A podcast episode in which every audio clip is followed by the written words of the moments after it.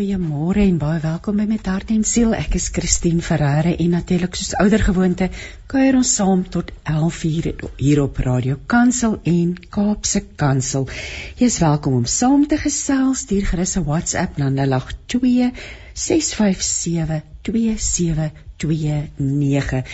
Ons gesels vandag oor gesondheid en welstand en ek gaan gesels met holistiese gesondheidsberader Andri van Rooyen um, en natuurlik geneeskundige Dr Arien van der Merwe. En dan gaan ek die program afsluit met 'n gesprek met verpleegkundige Marie Louise Deur wat 'n boek geskryf het Healing the Broken Hearted: A Guided Journal. Maar voordat ons vir Andri op die lyn het, wil ek graag lees uit 2 Samuel 22 vanaf vers 29 wat sê: Here, U is vir my soos 'n lamp wat die donker om my wegvat. As U my help, hardloop ek oor 'n skans.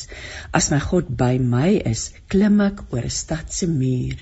Dan vers 33 wat sê: God maak my sterk. Hy maak my pad gelyk Hy maak my so rats soos 'n ribbok sodat ek op 'n styl kraans kan staan. Jo, kragtige woorde bekende skrif, maar ek ehm um, ons ons nou vir Andri op die lyn. Môre Andri? Môre Christine. Baie baie lekker om met jou vanoggend te gaan gesels Andri. Ek weet jy is 'n bedrywige vrou. Um ek dink jy's op pad lughawe toe as ek dit nie mis het nie na ons gesprek. Maar holistiese gesondheidsberader. Vertel ons 'n bietjie meer oor wat dit behels en en wat is dit wat jy doen? Ja, so my passie is om mense op te lei in uh, oor holistiese gesondheid in in daai bedryf, so om te kyk na die liggaam, verstand en siel en um, om hulle te help op die pad want ons almal weet dit kan moeilik wees om gesond te lewe. So dit is ek s'n net 'n helpende hand wat saam stap en dit maar net makliker maak as ek dit kan stel. Ag ja. nee, ons het dit almal nodig, nê? Nee. Ons het almal motivering nodig, ons het almal hulp nodig as jy mense besluit neem om jou gesondheid te verander, om jou lewe 'n gelukkiger en 'n voller lewe lewe te maak, het ons tog hulp nodig. So, Andri, kom ons gesels. Ek weet jy en Dr. Arin bied meesterklasse aan. Ons gaan bietjie later daaroor gesels, maar jy het 'n passie om mense te lei om gesonder en dan gelukkiger te leef. Maar jy praat oor die verskillende dimensies van welstand.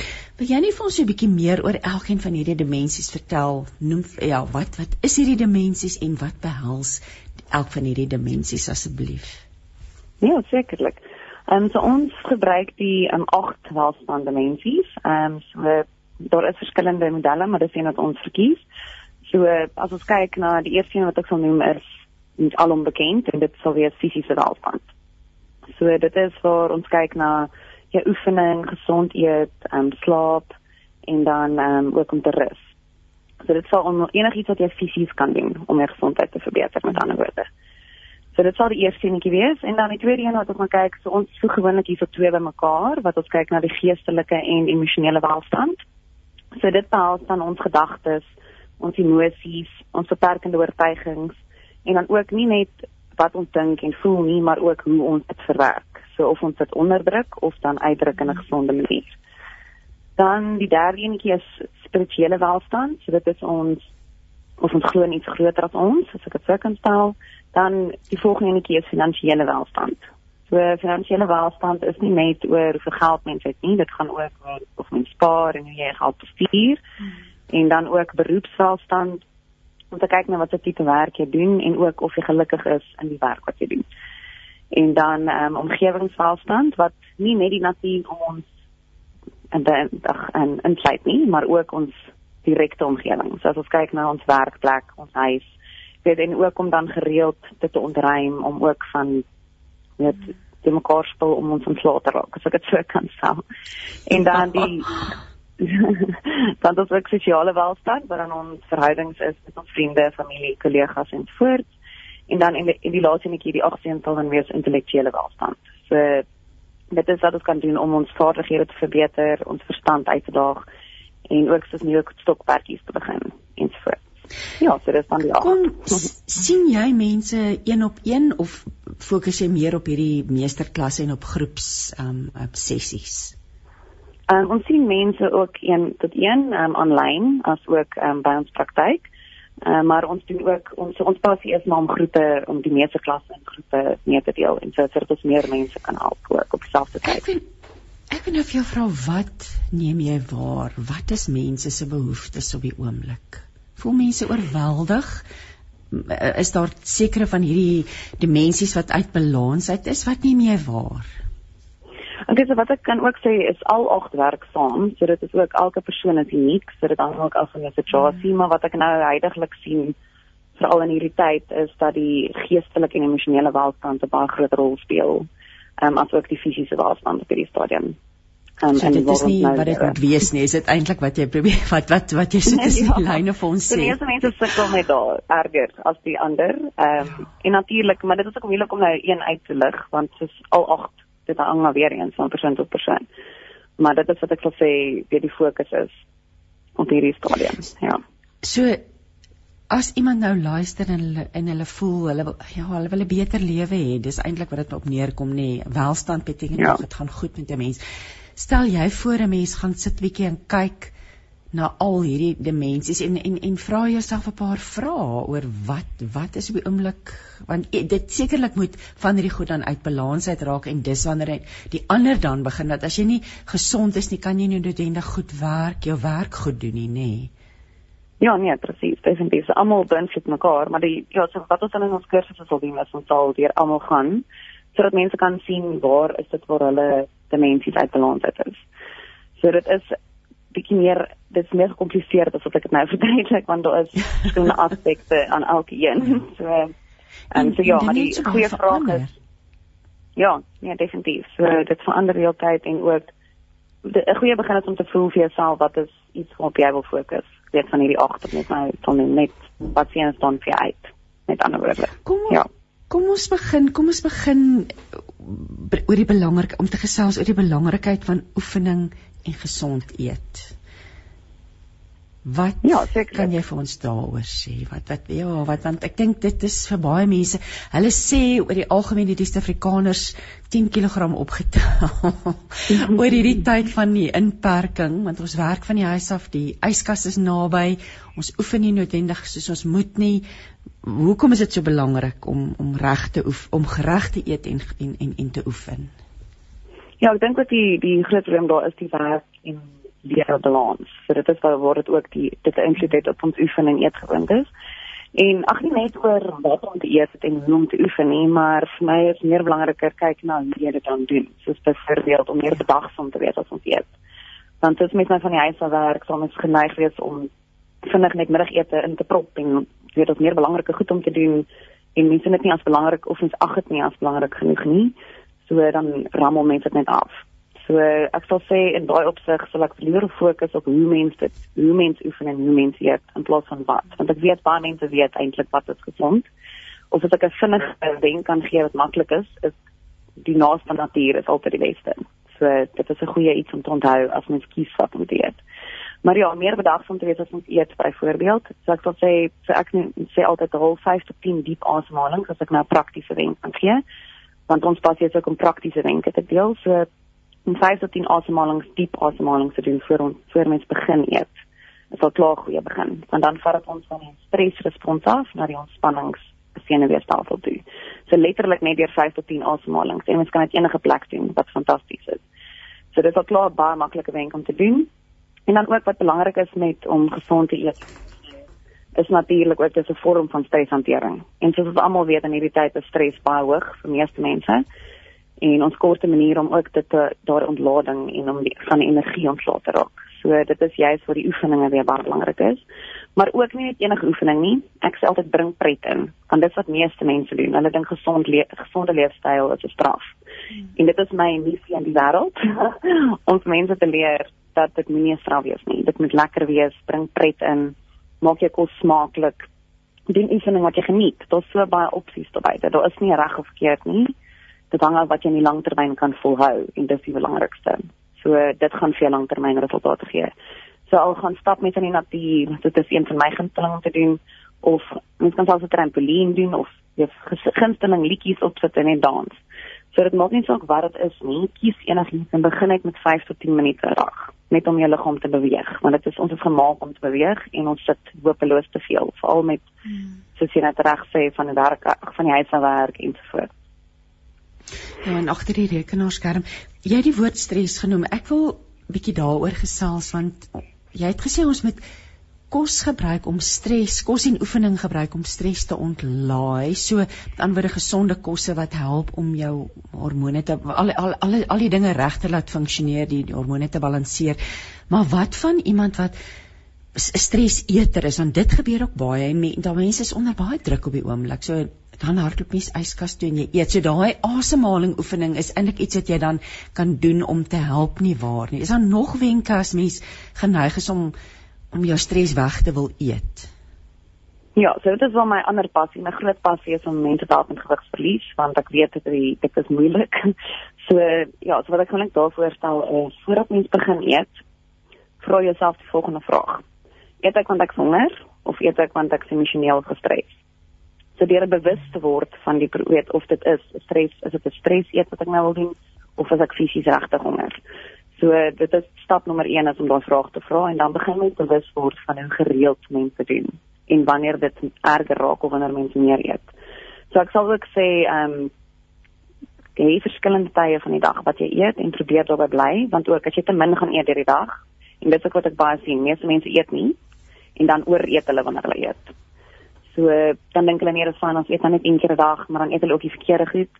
So dit is baie belangrik om jou bloedsuikervlakke te stabiliseer gedurende die dag, want dan gaan jou konsentrasie beter wees en dit uh, help ook met stres, want as ons bloedsuiker te hoog of te laag is, dan vorm dit dit veroorsaak letterlik stres ook in die liggaam. So deur dit te stabiliseer, ja. verbeter dit ook alles. Ja.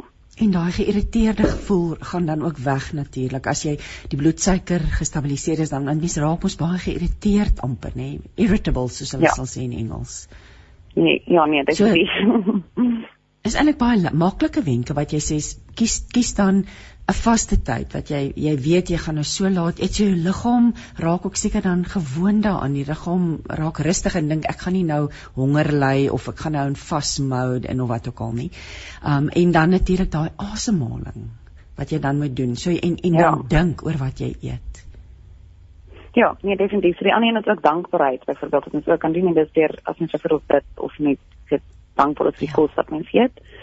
En dan die ander ding um, is ook om in die in die, in die oomblik te leef. Ek sê altyd as jy byvoorbeeld eet, gebruik al jou sintuie. So byvoorbeeld kyk na 'n kos, so eet die reënboog. So ook jy kan net die reënboog eet as jy gesonde byvoorbeeld vrugte en groente neem. So eet die reënboog, so kyk daarna, dan ryk, so maak jy kos lekker, gebruik kruie en geurmiddels nou nie preserveermiddels nie, maar meer jou vars krye en so voort. Dit is lekker ryk en dan smaak ook se so proe die kos, se so eet stadig, want dit is ook weer eens, soos ek net sê, baie spesifieke tye, maar dan bly daarby, so sien dit as 'n belangrike afspraak. So dan proe ook die kos lekker en dan ook klank waar die klank inkom is byvoorbeeld as mens nou verskillende goed inneem, ook luister hoe dit klink as mens eet. En dan met voel kom dit nou dubbelsinnig in, soos jy net vroeër met met emosioneel. ook soos hoe voel ek hieroor wil ek regtig eet of is dit is ek honger of emosioneel en dan ook voel in die sin van as jy kan byvoorbeeld nee te eet of vrugte met jou hande. So dit is 'n goeie manier om al die sintuie ook sommer dan te stimuleer en dan ook om mense te vir eet 'n spesiale geleentheid te maak want dit is bedoel sonder kos kan ons nie lewe nie en mense vergeet dit ook ja En die mense verhouding met kos natuurlik eh, word gevorm van jongs af. Daar's soveel dinge wat dit beïnvloed.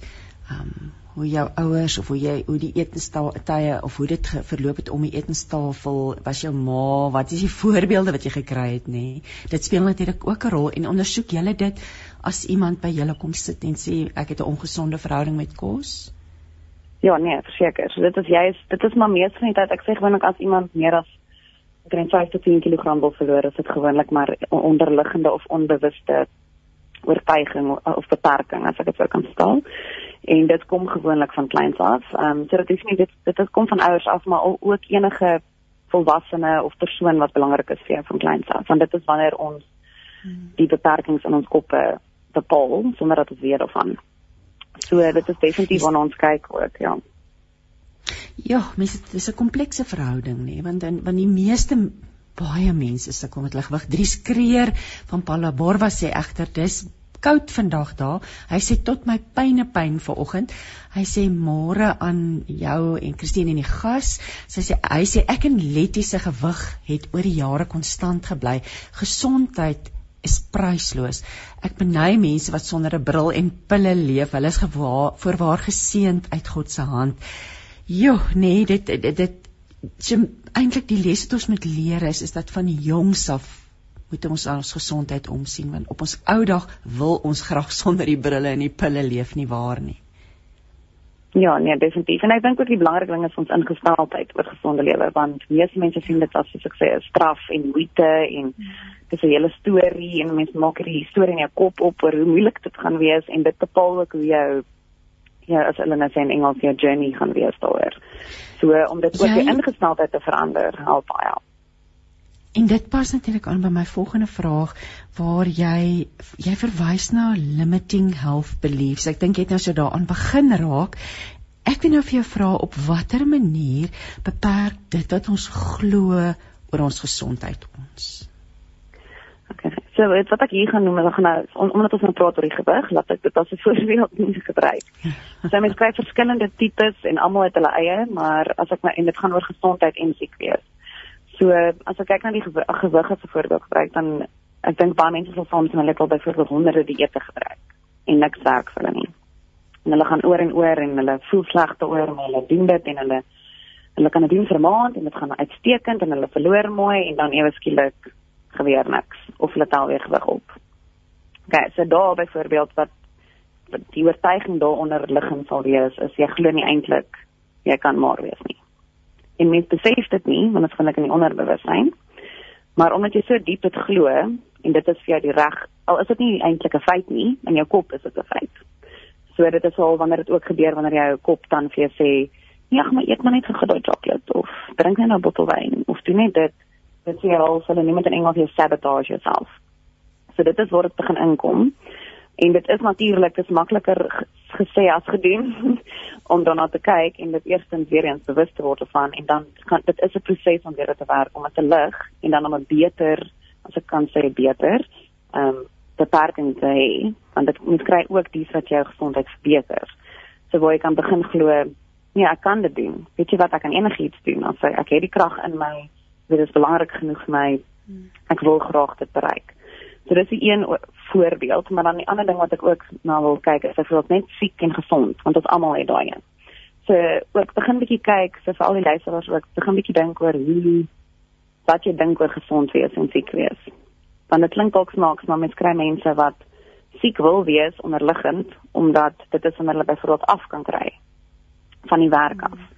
Of hulle kan doen dan wat hulle wil en dis al wanneer hulle dit kan doen want hulle maak nou tyd vir hulle self nie so as hulle siek is dan geniet hulle eintlik daai aspek daarvan. Nie alles nie maar daai spesifieke aspek of as jy klein was het jy 'n paar keer gemaak as jy siek was en want jy wou nie 'n sportbyeenkoms bywoon nie of jy wou nie skool toe gaan nie of eksamens skryf nie en dit het gewerk. So dan het dit ook onderliggend op 'n sielkundige vlak begin vorm dat het so dit werk. As ek probeer siek as ek siek is dan hoef ek nie dit en dit en dit te doen nie maar ook gaan aan die ander kant toe gesond gesondheid gaan ook speel 'n belangrike rol. Natuurlik moet mens 'n goeie voorbeeld hê.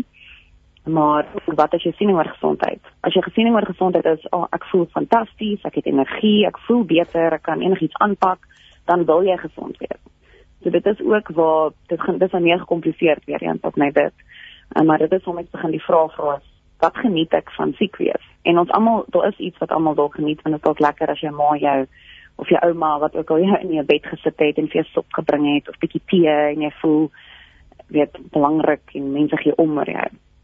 So mense moet begin kyk na dit ook, want dit gaan klaar vir jou indikasie gee van waar ons kan het waar waar my aandag te fokus. En ek wil nie sê daan te werk as 'n slegte ding nie, as 'n positiewe ding om te groei en te verbeter in jou gesondheid en geluk. Jo, jy dit is eintlik nou iets baie interessants wat jy met ons deel dat hoe ons dink oor siek wees en wat, wat ons hoe ons dit hanteer het toe ons miskien 'n kind was dat dit so nie onderbewuste gaan lê het dat dit nou nog steeds 'n rol speel in ons lewe. Hoe bepaal 'n mens dit? Moet mens maar gaan sit en met jouself bietjie 'n uh, soort van gesels en bietjie gaan kyk wat het gebeur. Hoe weet 'n mens jy glo aan hierdie beperkende gesondheids health beliefs? Geloof is seker nie die regte woord nie, maar hierdie dinge wat ons glo. Hoe bepaal 'n mens dat jy dat dit so is vir jou? Wel dit is belangrik om ag ondersteuning maak dit altyd natuurlik makliker om dit ja, want 'n mens ja. kan sit en dit self probeer dink en voel hoe voel ek hieroor en maar partykeer kom die kop dan weer in en dan daai stemmetjie wat sê is nie dis nie waar nie want dit is ook 'n ander ding meeste mense sal sê is nie. Dis nie wat ek glo nie maar eintlik is dit dis maar net ons ego wat ons probeer beskerm so dis 'n ander deel. So dit is moeiliker om dit alleen te doen uh, maar dit is moontlik so ek sê altyd jy kan sommer net begin skryf antwoord die volgende vraag. Ehm um, waarvan hou ek? Wat 'n aspek van siek wees hou ek van? Of as enigiets is wat geniet ek daarvan en om dit dan te lees. En dan daai te vat byvoorbeeld as dit is dat oom ek kon bietjie aftyd kry, dan wys dit ook vir mense kan jy kort eintlik rustyd, dis meer rustyd, dan gaan jy nie dit wil hê nie of dit gaan nie dit veroorsaak dan nie. So dit soos ek sê dit is baie dieper as dit maar daai is 'n goeie plek om te begin. En ook wat glo ek oor gesondheid. So skryf al is dit opstelletjie of net met 'n paar goedjies, maak nie saak nie, daar's nie reg of verkeerd nie.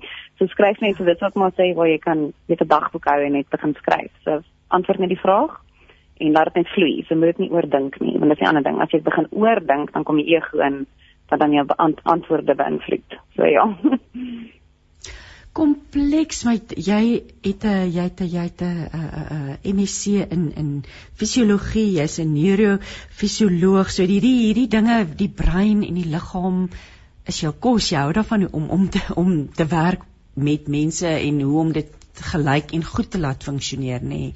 Kom ons praat nou oor gesels, ag oor slaap en rus en herstel want jy het so 'n bietjie genoem 'n mens het dalk 'n behoefte aan rus. Kom ons gesels oor die belangrikheid hiervan. Ja, sekerlik. So rus is een van my belangrikste goed want ek is gewoon ek wil die wêreld verander. Want jy het om altyd plannetjies te maak en meer mense te leer en op te lei. So vir my het rus was vir my die afgelope jaar baie belangrik. So hoekom ek dit sê is van meeste mense het die wanopvatting dat rus is 'n mors van tyd. En dit is die grootste fout wat meeste ma mense maak. So mense mense dink nie ek kan nie rus nie want ek moet dit net en dit doen en dit is altyd iets sien wat 'n uh, hele lys van goed om te doen. So dan gewoonlik sit ons op een kant en ons gaan net aan meeste mense rus net wanneer hulle slaap. En wat ek eintlik weer sê is maak 5 tot 10 minute 'n dag vir jouself. So wat dit beteken is geen tegnologie, so geen TV, geen selfoon nie. Maak 'n koppie tee, gaan sit buite as jy tuin het, fantasties, gaan sit sommer in die tuin in die son as jy kan, vir Vitamin D. En rus net vir 5 tot 10 minute. So dit net waar jy jou soos in Engels sê daydreaming doen. So waar jy letterlik net ag net enigiets, enige gedagtes, maar nie stres nie. So dit moenie jy moenie dink aan werk nie is baie moeilik in die begin, want dit is al wat jy gaan doen in die begin. Maar hou net uit en hou net aan vir 5 tot 10 minute 'n dag. En ek dis ek dis eintlik kommerwekkend om te dink as ek vir mense hierdie wenk gee dat hulle vir my na week sê wanneer jy net tyd vir hulle kon nie 5 minute vind vir hulle self nie. En dit was veral onder vrouens ook, want vrouens is ook ek sê algemeen nou, maar meeste vrouens ook veral met families sien altyd om na die familie en dit is altyd die kinders is belangrik of die man of alles moet gedoen word en kry nuusware en en en. So dit is uiters belangrik veral as jy moet sit in jou kar terwyl jy by die nog dit iewers stop of by 'n afspraak is, sit in jou kar al is dit net in jou kar vir 5 tot 10 minute, hou diep asem en ontspan net. So dit is letterlik so eenvoudig soos dit en jy sal sien selfs as mense doen binne die eerste 2 tot 3 dae gaan mense verskil voel, maar dan sit om aan te hou, dan dit is nie 'n gewoonte nie. So jy weer eens van jou kop inkom en jou probeer uit dit uitkry as ek so kan stel want dit is net te sê soos hulle sê in Engels Engels your comfort zone en dit wil jy altyd wil bly. So dit is uitdagend, maar as jy die rotine het, werk dit fantasties. Hoe het ons op hierdie plek gekom dat ons nie dit vir onsself gun om te wil rus nie? Ja, daai is ook 'n gekompliseerde vraag en weer eens almal se antwoord sal aan of se rede sal anders wees. Maar ons glo dat as ons nie ander werk en werk en doen en doen nie, dan gaan die nie die wêreld eindig nie, maar niks gaan dan gebeur nie. Wat nie waar is nie. Die die lewe gaan aan. Al gaan al rus ons vir 5 tot 10 minute en dis ook eintlik goed vir al vir mense kinders en familie as jy 5 tot 10 minute net alleen is dat hulle ook dit ook of selfs kan help rondom die huis. Ek sê nou nie almal help nie, maar dit is ook 'n goeie begin. Moenie alles alleen aanpak nie. Weereens ondersteuning is belangrik. Nie net professioneel as mens dan dieper wil kyk na gesondheid nie, maar ook in jou hele lewe. Vra vir ondersteuning aan ook wees oop daarvoor. Dis 'n ander ding. So meeste van die tyd is ons ook ons is nie oop vir ondersteuning nie. So ons het 'n manier ons gaan self doen, ons kan dit beter doen. Tot en self doen. Maar jy het eintlik so baie stres op jouself en so baie verantwoordelikheid wat onnodig is. Nou ja. Hier's nou 'n boodskap van Mandy wat sê Goeiemôre my twee sissies in Christus en Jesus. Dankie vir 'n baie interessante gesprek. Ek is so dankbaar teenoor die Here dat ek gesond is. Ek eet reg en ek gaan stap intrent elke dag en hier is nou die wonderlike ding. Sy sê Mandy sê sy het in 2019 117 kg geweeg. Sy het toe op 'n gesonde dieet uh, eetprogram gegaan en weeg nou 69 kg. Mandy, dit is 'n ongelooflike wow, bereiking. en dit het nie eers so lank geneem nie as jy dink 2019 ons is nou in 2021. Ja. Maar weer eens, kom ons praat bietjie dis proses. Ehm um, nie, nie waar nie. Dit is nie 'n oornagting nie. Ja, nee, dit is dit, dit is 'n dit is 'n lang proses en weer eens om ook die gewoontes aan te leer. Nommer 1 en natuurlik wat mense eet is belangrik. So ek het dan nie gefokus op die deel nie, maar die belangrike deel is die wat en die hoe. Want baie min mense fokus op die hoe. So almal fokus net op wat om te eet en dan kan dit ook 'n obsessie in verander wat ook dan weer eens ja. stres veroorsaak. So weer eens baie gekompliseerd. Ehm um, maar ja, dit is 'n proses. So dit is ook wat mens kies. Ek sê altyd is wat jy doen 80 tot 90% van die tyd. En dit is ook waar die woord wat ek wil inbring is balans. So dit is die groot term wat ek wil hê mense moet onthou vandag. Balans is die belangrikste. So dit is ook nie om 'n obsessie te gaan en ek mag nooit vir dit of dit of dat nie, want dit is hmm. weer eens straf dan. Dan jy ingestel as straf nie gesondheid of um, lekker en pret en het meer energie nie. So probeer kyk ook om jou ingesteldheid te verander. Weereens makliker gesê as gedaan. Um, maar ja, dit is 'n proses en dit hou net aan. So soos ons altyd sê, dit is makliker in Engels want dit sê 3 P's, wat practice, patience and perseverance is. So jy gaan dit nie oornag regkry nie en niemand het nie dink aan enigiemand wat iets nuuts leer. Jy weet nie van die begin af hoe om dit reg te doen nie maar solank jy net probeer. So maak jy dalk 'n klein stapie af vat nie in die regte rigting nie en al is daar 'n mislukking, dis fyn, gaan net aan en probeer net vir die volgende etenstyd reg doen of die volg as jy oefening gemis het, doen dit die volgende dag. En soos ek sê, maak dit pret, bring die pret elemente in. So dis jy wat ons mense leer is om meer ons gee praktiese en wenke en ons maak het, ons maak gesondheid pret sodat ons jou ingesteldheid kan verander. Ek gaan daai drie woorde herhaal. Practice patience and perseverance. Dis dit klink vir my na die sleutel daai drie woorde. Ja, dis die sleutel tot sukses. Dr. Arinsen. maar ja. Eintlik vir enige enigiets in die lewe wat ons aanpak. Ja. Um, ek ek vind nou 'n bietjie dis nou baie interessant. Ek gaan nou weer daai dimensies herhaal wat jy wat jy genoem het vir ons waarna ons moet kyk. Ons moet kyk na ons fisiese uh toestand, kondisie, wat ons doen dan moet ons kyk geestelik, emosioneel, daai welstand, hoe gaan dit met ons? Um, jy praat van spirituele welstand, met ander woorde, hoe, hoe lyk ons verhouding met die Here? Is is is dit op is jy op 'n goeie plek? Is jy voel jy ver van God af? Um, of en dan finansiële welstand want dit kan natuurlik baie spanning veroorsaak nê as dinge nie reg daar is nie. Ehm um, ja. jy het dan gepraat van beroepswelstand. Jo, omgewingswelstand. Dit fascineer my. Jy het gesê raak ontslaaf van van van die van die wat het jy dit genoem? Ek ek wil sê klatter. Ons praat so maklik van die van, ja. van die woord klatter van al hierdie goed om ons nê. So vertel ja, vir en dan terug aan dan sosiaal ook, ja. Want dit is dat te veel goed om ons is dis weer so baie goed om te versorg en na om te sien. Een of twee wenke hoe dit ons ons lewe kan verbeter as ons bietjie na ons omgewing kyk. Ja, so wat ek sê, ek bedoel prakties vir hulle ding self. Ja, as jy net in die kamer in jou kamer ingaan of in jou kantoor, as jy by die werk by die werk werk, dink aan hoe dit voel as alles in rond lê en alles is te mekaar, dit voel nie lekker nie. So as jy nou prakties dink, dink aan hoe dit vir jou voel. So dit affekteer letterlik jou energie. So deur bietjie ontruiming te doen in Engels noem hulle dit decluttering. Ehm um, dit is 'n mooi woord, ontruiming. Ek hou daarvan. Ja ja, nee, ontruiming is mooi sodat jy kom weet net alles netjies te hou en weet ek ek sien nou nie elke dag of noodwendig nie, maar ook om so 'n diep ontruiming te doen een tot twee keer 'n jaar is ook goed vir mense energievlakke want jy voel ook jy raak aan slaap van wat jy nou nie meer nodig het nie met 'n nuwe begin en met meer nuwe energie en jy voel sommer beter.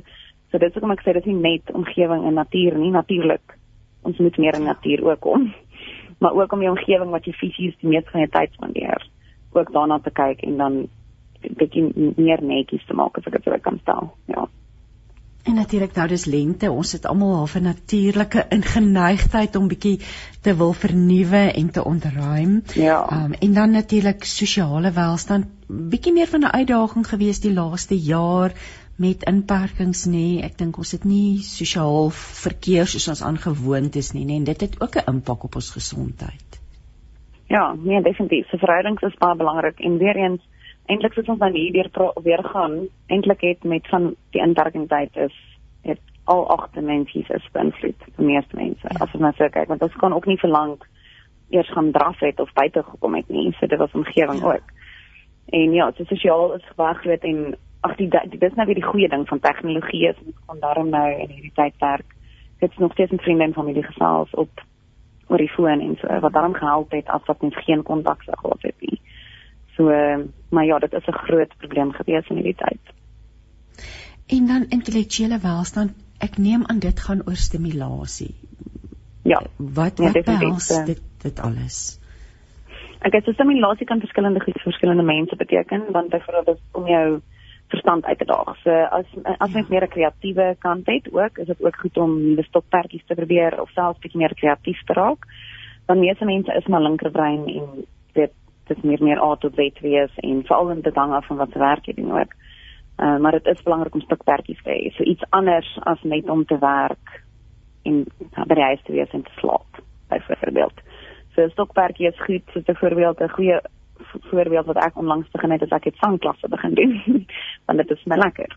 En dit is ja. so 'n nuwe, dit is 'n nuwe taal om te rent.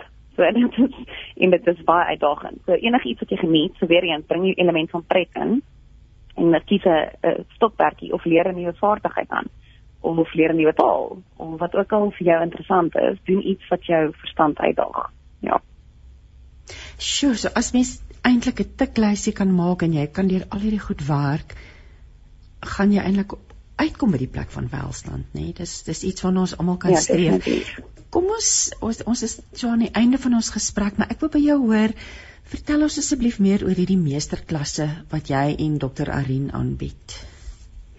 Ja, so ons meesterklasse, ons het nog altyd werkswinkels ons aangebied, maar nou van so die dis die goeie deel van die intertyd vir ons is ons het begin aanlyn gaan. So wat ons doen is dit is ons deel ons passie van holistiese gesondheid uh, met almal en ons gee dis jy vir ons die praktiese wenke en maniere gee hoe om dit toe te pas in jou lewe sodat jy verskil kan sien. Want ons almal weet as ek vir iemand gaan sê oefen 30 tot 60 minute per dag, dit gaan nie gebeur nie. Maar deur selfs in 5 tot 10 minute te oefen, maak 'n baie groot verskil in die langtermyn.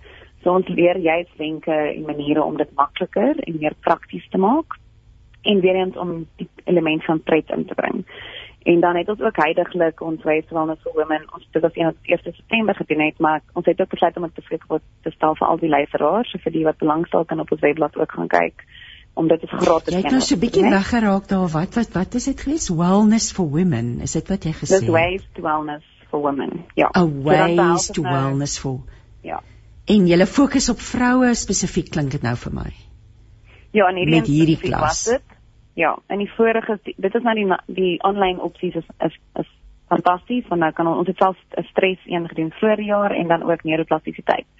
So daai is alles beskikbaar aanlyn ook al is dit nou al verby, maar hierdie een is nie eens onlangs een en hy is gratis. So dit kan ek sê vir die luisteraars van ons dit beskikbaar stel nog tot Vrydag en dit is op ons webblad ook beskikbaar vir die wat jy vir ons kan invul. Ek wil nou net herhaal, so julle het 'n gratis hierdie Ways to Wellness for Women. Is dit die ene wat gratis aangebied word tot Vrydag nog?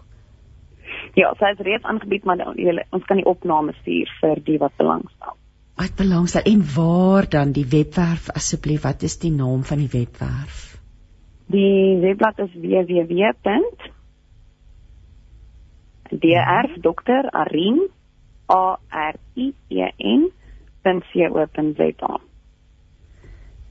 Ja, so ek gaan dit net herhaal. Dis dan www.drarin.co.za as jy belangstel om hierdie Ways to Wellness for Women gratis af te laai, kan jy gerus daar 'n draai gaan maak. Ehm um, Andri, as mense jou in die hande wil kry, as hulle graag 'n sessie by jou wil bespreek, waar kan mense jou in die hande kry?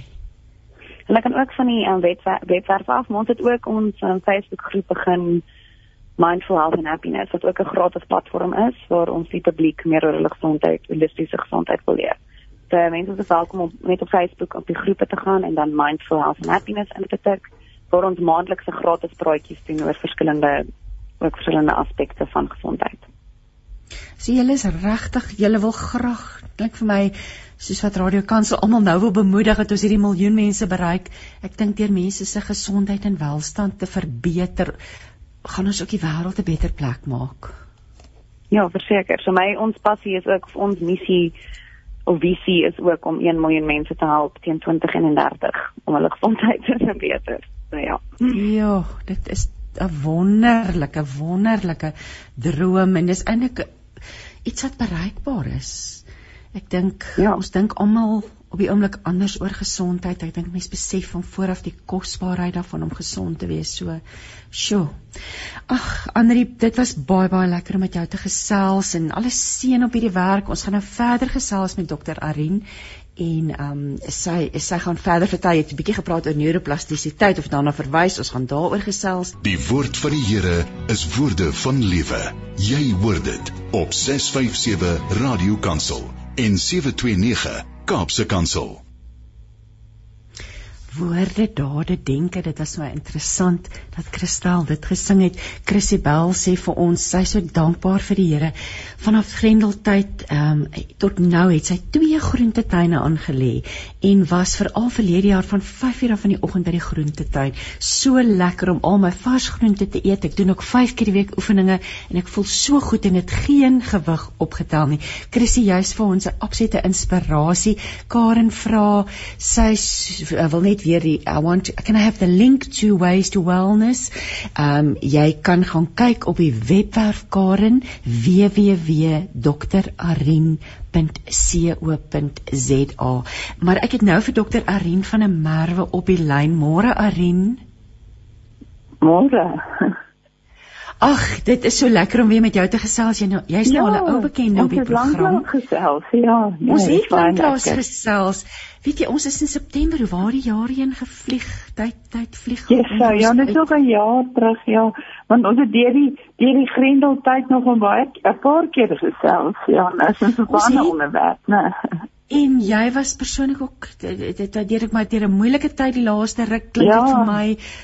Ja, um, ek het ek het 'n beroerte gehad en ag net so die 9de Julie en toe kry ek nou nog COVID binne in die hospitaal. So ek het omtrent my uitdagings gehad. So um, ek praat wat ek nou vandag praat, dan kan ek uit persoonlike ondervinding praat. Ja, dit wys net vir ons al is jy 'n mediese kenner, al is jy leef jy hoe ja, nee. gesond. Nee. Dit was dit, dit kom oor jou my die ergste. Ja, is die opstandigheid wat ek moet oorkom. Jy weet dan dit is amper so wat jy sê hoekom ek en hoekom straf God my en so moet ek hier ja. dit werk en besef want ek ek gaan dit later oor die medeplastisiteit sal ek ook praat oor die beroerte ondersteuningsgroep waar ek nou be, nog hulle iets begin om 'n rol te speel om mense juist te help weet dit omdat ek self deur dit gegaan het maar ons sal dan ek ek moes eers opstandigheid en kwaadheid opwerk om dit by die rusting te kom en te sê dis nie straf nie. Jo, dis dit dit is nou baie belangrik wat jy nou praat want on, on, ons my eerste vraag aan jou is oor die emosies. Watter rol speel ons emosies? Ja. So om jy sê om te besef maar ek is opstandig ek is kwaad vir die Here ek vra hoekom hoekom het ja, ek siek ja. geword? So kom ons praat 'n bietjie oor hierdie emosies. En hoe ja, hanteer 'n mens dit? Ekskuus ekskuus ek val nie hier maar dit raak se bietjie weg. Ek hoop die opvang is goed. Ek moet begin ek, met eers genetika as jy nie omgee nie want dit lei tot die emosies. So ek om dit te verduidelik gebeur het ek het ek nou self um, voorlegging wat mense kan sien op en hoor so jy al die luisteraars moet nou mooi luister want hulle kan nie nou hulle visuele ehm gedeeltes gebruik nie. Maar ek sê duidelik is altyd as jy die jou selle voor 'n lemoen 'n hele lemoen met sy skil en jy sny hom in die helfte dan kry jy aan die buitekant van die lemoen die skil en dit sal ons dan sê stel die selmembraan voor. So die lemoen is basies dan 'n uh, 'n uh, 'n bietjie diagrammatiese voorstelling van 'n sel. En dan die selmembraan is die skil. Nou ons praat van daai selmembraan as die werklike brein van die sel. So as jy kyk na daai skil, dan binne in dit die binneste deel van die lemoen is dan die kern waar die DNA, die kernmateriaal is wat meeste van meeste mense weet dat dit is. En ek gaan nou baie kort met praat, maar op die op die webblad is daar artikels wat ek geskryf het oor epigenetika, oor emosies en neuroplastisiteit. So ek sê dit sommer nou al. Maar as jy nou daai selmembraan nou kyk en jy vergroot hom net so 'n wiggie, so 'n stukkie tert wat jy daar uitsny, dan kry jy die fosfolipiedmembraan wat die selwand is. En dan en dan in die middel kry jy die kern waar die DNA materiaal nie nukleus of die kernmateriaal is. Nou wat gebeur is op die selmembraan het jy 'n antenna. Dis letterlik soos 'n klein antenna wat of wat verskillende ehm um, vorms het. En vir elke emosie is daar 'n ander vorm. Nou dan bind daai emosie aan daai vorm en dit stuur 'n boodskap deur na die selmembraan, ag na die kern om die proteïen funksie, funksie van die DNA is eintlik om proteïene te maak, om dit te maak. So ons positiewe emosies, ons gemiddelde emosies en ons negatiewe emosies het almal uh, verteenwoordiging op die selmembraan. So dit is so belangrik om dit te besef dat daai boodskappe gaan deur van hoe ons voel want emosies word biochemiese molekules wat bind aan die selmembraan en daai boodskap stuur na die kern toe. En dis eintlik 'n vibrasie, dis nie letterlike nee, Ek kan die biochemiese molekules ook sien, maar dis 'n dis is 'n vibrasie. Nou om dit te vergelyk, as mense byvoorbeeld 'n viool speel, dan dan hoor jy die klanke, maar jy sien hulle nie. Dis vibrasies van klank. Nou presies so werk ons emosies, is vibrasies van klank wat bind aan hulle spesifieke reseptore en dan die boodskap deurstuur. So dis die beginsel van epigenetika. Epi beteken belangriker as of bokant die genetiese materiaal wat in die kern is. So dis wat met ander woorde wat op die selmembraan gebeur is meer belangrik as die kern wat in die kern gebeur want daai boodskap van bevel kom van die selmembraan af na die kern toe. So dis 'n een meganisme. Die ander meganisme wat ons op die oor sal praat is dan waar goed nie deurgaan. Dinge beweeg net deur. Um weens difusie of osmose is twee chemiese prosesse wat van hoë konsentrasie na lae konsentrasie gaan soos byvoorbeeld water en suurstof. So dis die twee beginsels van epigenetika. En die belangrikste ding wat ek nou wil sê, is dat omtrent alles wat gebeur is ongelooflik hang af van ons bewuste keuses van wat ons inneem Nou Andre het daaroor gepraat ook van wat ons inneem, hoe ons asemhaal en dan veral wat ons dink. Hoe word die gedagtes wat ons dink omgeskakel in molekules van emosie? Dis ook 'n boek wat Candice Pert, 'n 'n neurowetenskaplike geskryf het oor hoe belangrik hierdie emosionele um, binding is oor die selmembraan. So so lees uh, luisteraar wat belangstel kan gerus na 'n boek 'n na 'n boek verwys Molecules of Emotions is dan Candice Burt. So ek hoop ja, almal verstaan nou wat ek gesê het van dit nou. Ja, en weet jy dis dan letterlik dis dis wetenskaplik bewys dat ons emosies het 'n effek ons ons elke selletjie, elke stukkie weefsel in ons liggaam. Ja, ja. En en dit is so, so die... belangrik. Ja, wat jy eet, wat jy drink of jy geneesmiddels misbruik, al daai goed is boodskappe wat na die selle toe gestuur word. Gee hierdie persoon om vir hulle gesondheid of nie? Dis die kern ding. So mens moenie dink jy eet gesond en jy doen oefeninge en jy plant eie tuin soos ons nou gehoor het. Dit gaan oor wat is die boodskap wat by jou 50 triljoen selle uitkom? Is dit van hier is iemand wat regtig omgee om gesond te wees en dan gaan die boodskap keer. En dan 'n ander ding as leser, ja. ag as luisteraars wil sien, is biology of belief van Bruce Lipton. Hy's 'n ehm um, genetiese spesialis en hy het die boek geskryf juis om hierdie hele ding so goed te verduidelik as luisteraars meer in, in belangrik ag weet inligting wil hê. So negatiewe denke, selfhaat, negatiewe selfspraak kelder al jou pogings met ander woorde. Ja, dit dit, dit kelder jou funksies. Dis nie te sê daai negatiewe emosies is verkeerd nie. Die grootste grootste faktor wat ons nou moet weet en wat ek die hele tyd mee as amper gestree tot ek berusting gekry het met my beroete is dat jy bewus word van daai negatiewe emosies. Ons weet instinktief watter emosies is goed vir ons gesondheid tyd en watter nie. Dis nie om te sê woede en vrees en depressie is sleg vir jou nie, maar jy moet eers bewus word daarvan, dan kan jy daarmee werk.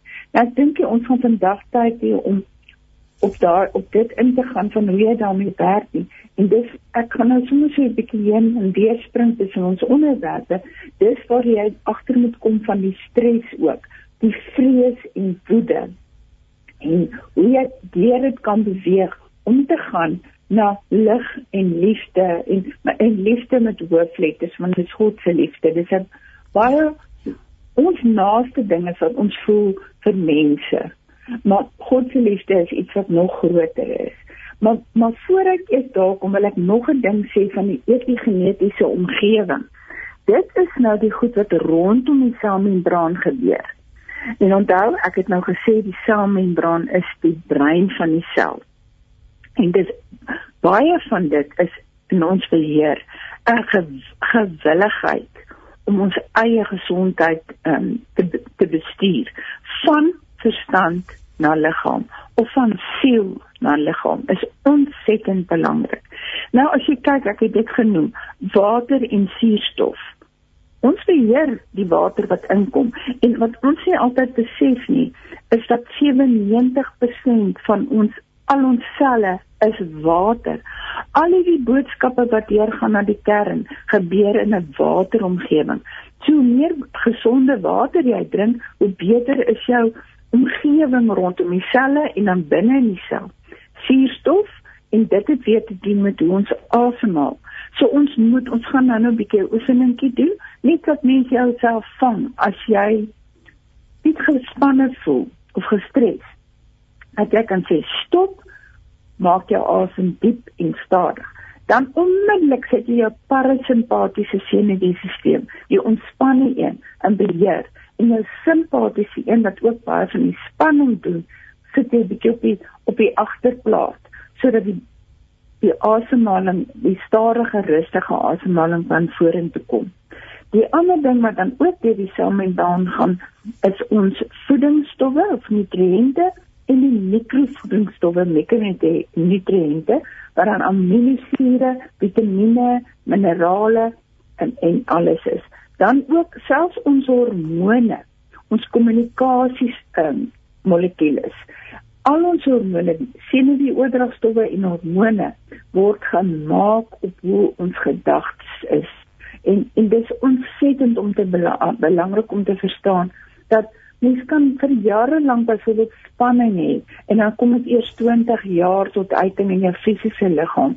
So as jy dan iets kry, dan moet jy terugwerk en baie van die ou goed laat gaan sodat jou gedagtes en emosies kan lig en liefde word wat eintlik ons natuurlike staat is, maar ons ons word dit word so weggesteek onbewuslik van jare se weet se kwaad en vrees en woede emosies. So dis belangrik om te besef dit is dinge wat in ons beheer is. Nou die kos en die water en ons asemhaal is redelik maklik. Partykeer is dit bietjie van 'n uitdaging om deur die emosies te werk en dan kort 'n ou baie keer professionele hulp van iemand wat jou help om die onbewuste net dinge te kan hanteer en te vry te laat sodat jou superbewuste verstand, dis nou jou siel self, jou God self, hmm. dat dit in beheer kan wees van jou eet van jou lewe. Dis so in lyn met wat die woord ons leer, nee, Arend. Ek wil die dit ons hoor dit so, ons sien dit, ons lees dit gereeld, vernuwe jou denke, vernuwe, vernuwe, ja, vernuwe, ja. verander. Dit dit bring 'n hartsverandering, dit bring net soveel verandering in ons lewe as ons anders begin dink en en en ja, soos jy sê dat ons God se liefde kan uitleef en hierdie en dan net 'n beter lewe. O, o weet in oor die oor die algemeen dan net 'n beter lewe te kan hê. Ja. ja, weet jy, en dis eintlik wat vir my so uitstaan uit hierdie gesprek met met ander en met jou is dit dit eintlik eenvoudige goed is, diep asemhaling, um, meer water drink, die regte kosse eet en dat dit nie net sommer net praatjies is nie, dit het werklike invloed op ons selle van ons liggaam, ja. op ons hele wese hierdie asemhaling het gesê jy gaan ons 'n bietjie oefening laat doen. Ja, ek ons, gaan ek, ek gaan ek het net gou as dit daarby kom ek gaan nou dis ek wil net gaan nog 'n ding sê. Die die groot ding is dat baie keer as ons op, op besluit ons gaan 'n bietjie gewig verloor om ons gaan oefen, dan die mense amper 'n bietjie 'n renons daar in 'n weerstand. Ja, maar ja. as ons besef, dis amper of ons selle inluister op hoe ons dink en voel. En as mens dit besef dat as jy as jy gelukkig voel en liefdevol, dan is dit wat jou selle doen. So as jy gesond eet, doen jy dit omdat jy dan meer energie het en beter brandstof het, sodat dit nie opstandig is nie.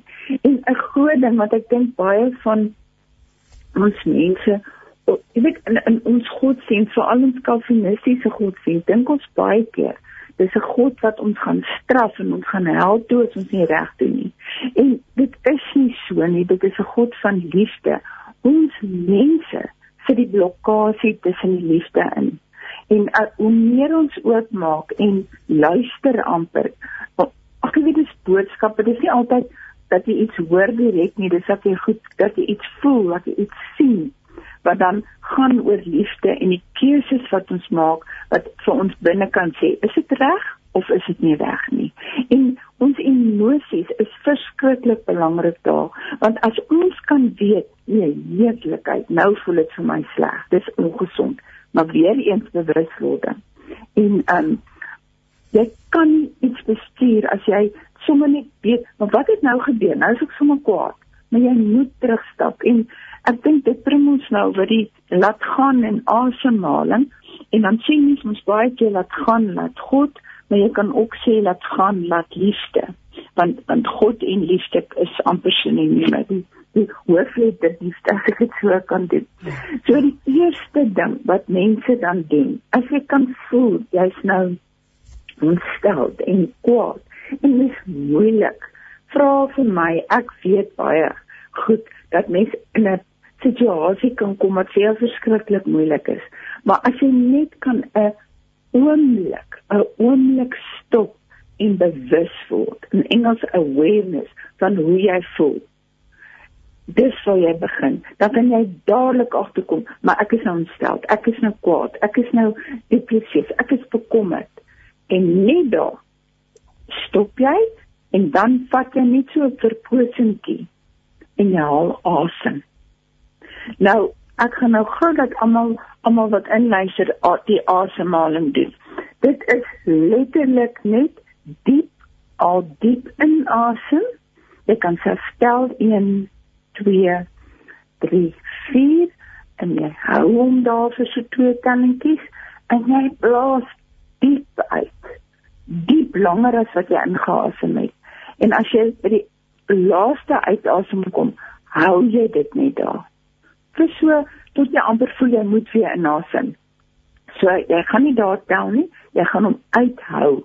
Dan bring jy ook jou wages senuwee in. Dit is jou ontspanne senuwee wat van jou kop af reg deur jou lyf loop.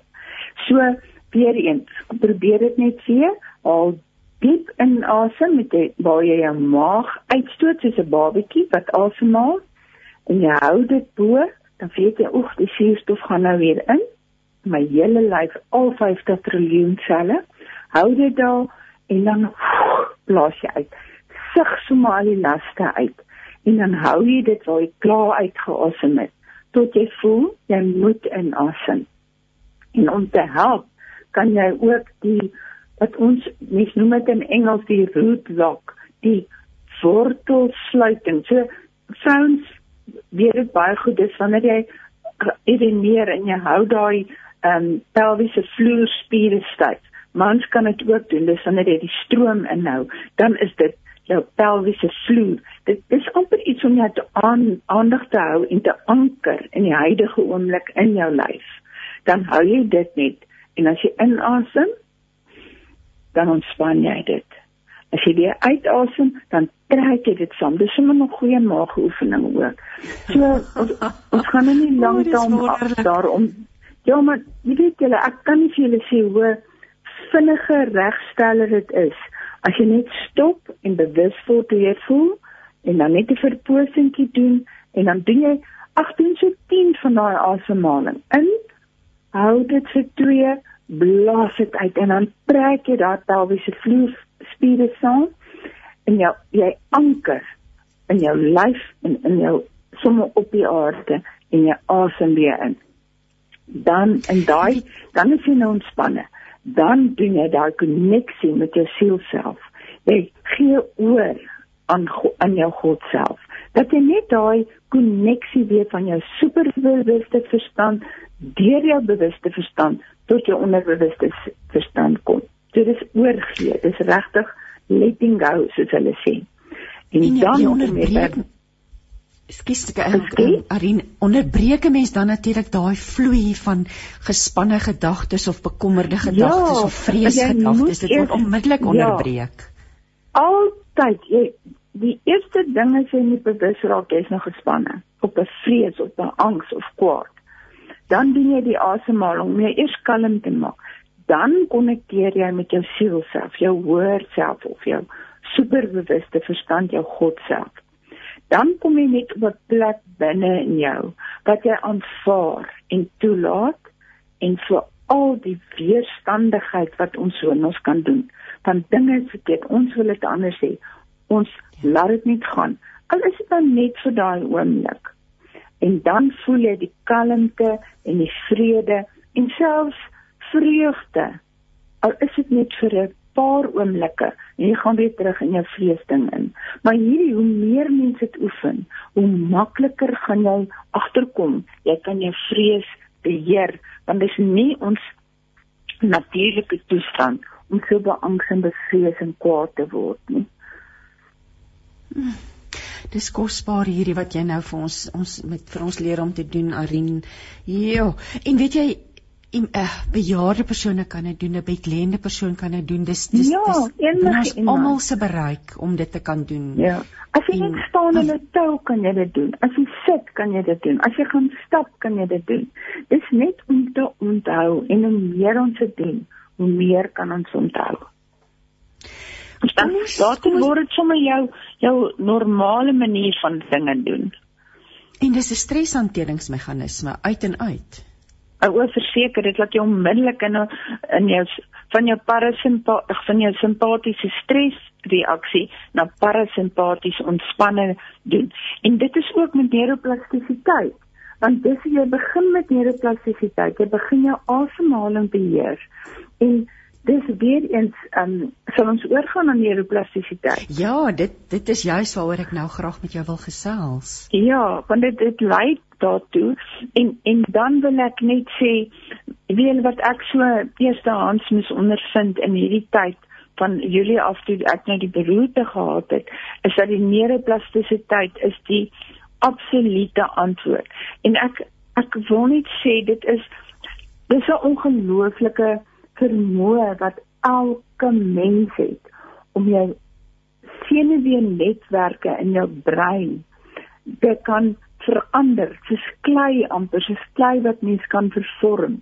So as jy byvoorbeeld 'n beroerte gehad het, dis maar eintlik waar dit ook vandaan kom die navorsing wat gedoen is. Enige iemand kan dit doen. Hulle begin agterkom by na beroertes en breintumore en veral ook as daar ongelukke is met breinbeserings. Die area wat beseer is, het die vermoë om nuwe netwerke om daai area te vorm. En dis die geheim vir al met beroertes. Maar ons kan almal daai nuwe netwerke. As ons agterkom, ons het 'n ou manier van dink. Dit dit werk nie meer, dit werk nie. Dan moet ons hierdie neuroplastisiteit gebruik. Dis ou ou denke wat vir ons gesê het dat jy weet as jy oor 'n sekere ouderdom gaan, dan maak jy nie meer nuwe netwerke nie, dis net agteruit gaan. Dit is nou oor en oor die wetenskap bewys dat ons aanhoudend nuwe netwerke maak en vir al die kruisverbindings tussen die senuweebane of neurone vir affer duisend maal verbeter hoe ouer ons word. So dis hoekom ek sê van hoe ouer hoe wyser is omdat jy al hoe meer netwerke doen, maar die geheim is jy moet dit doelbewus doen. Anders gebeur dit nie. Dit is amper 'n spier wat nie meer geoefen word nie wat atrofieer agteruit gaan. Net so moet jy met jou brein netwerke oefen.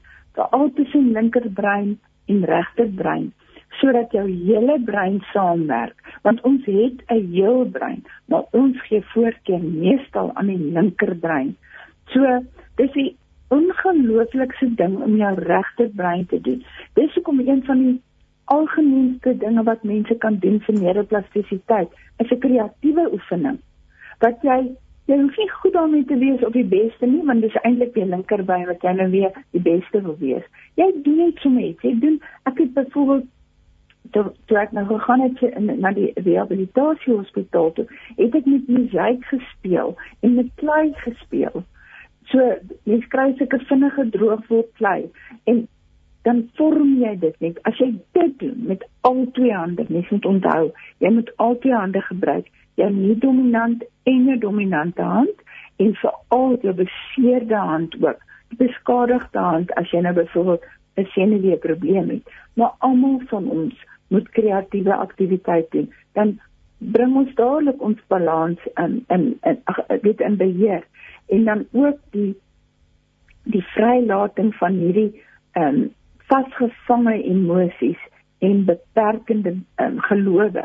Ons dink baie keer 'n 'n geloofie wat ons het, dit is net so, dis die waarheid. Maar dit is nie. Dis ou patrone wat soos 'n plaat, die van ons wat nog kan onthou van ou langspeelplate ja. wat vashak, vashak, vashak. Ons weet later dit werk nie meer nie. Maar ons moet nuwe netwerke maak. Anders gaan ons net weer terug na daai ou plate, plaatgroefies wat vashak van 'n plaat wat jy te, te veel gespeel het. En dis dan die bereidwilligheid is ongelooflik belangrik om te verander.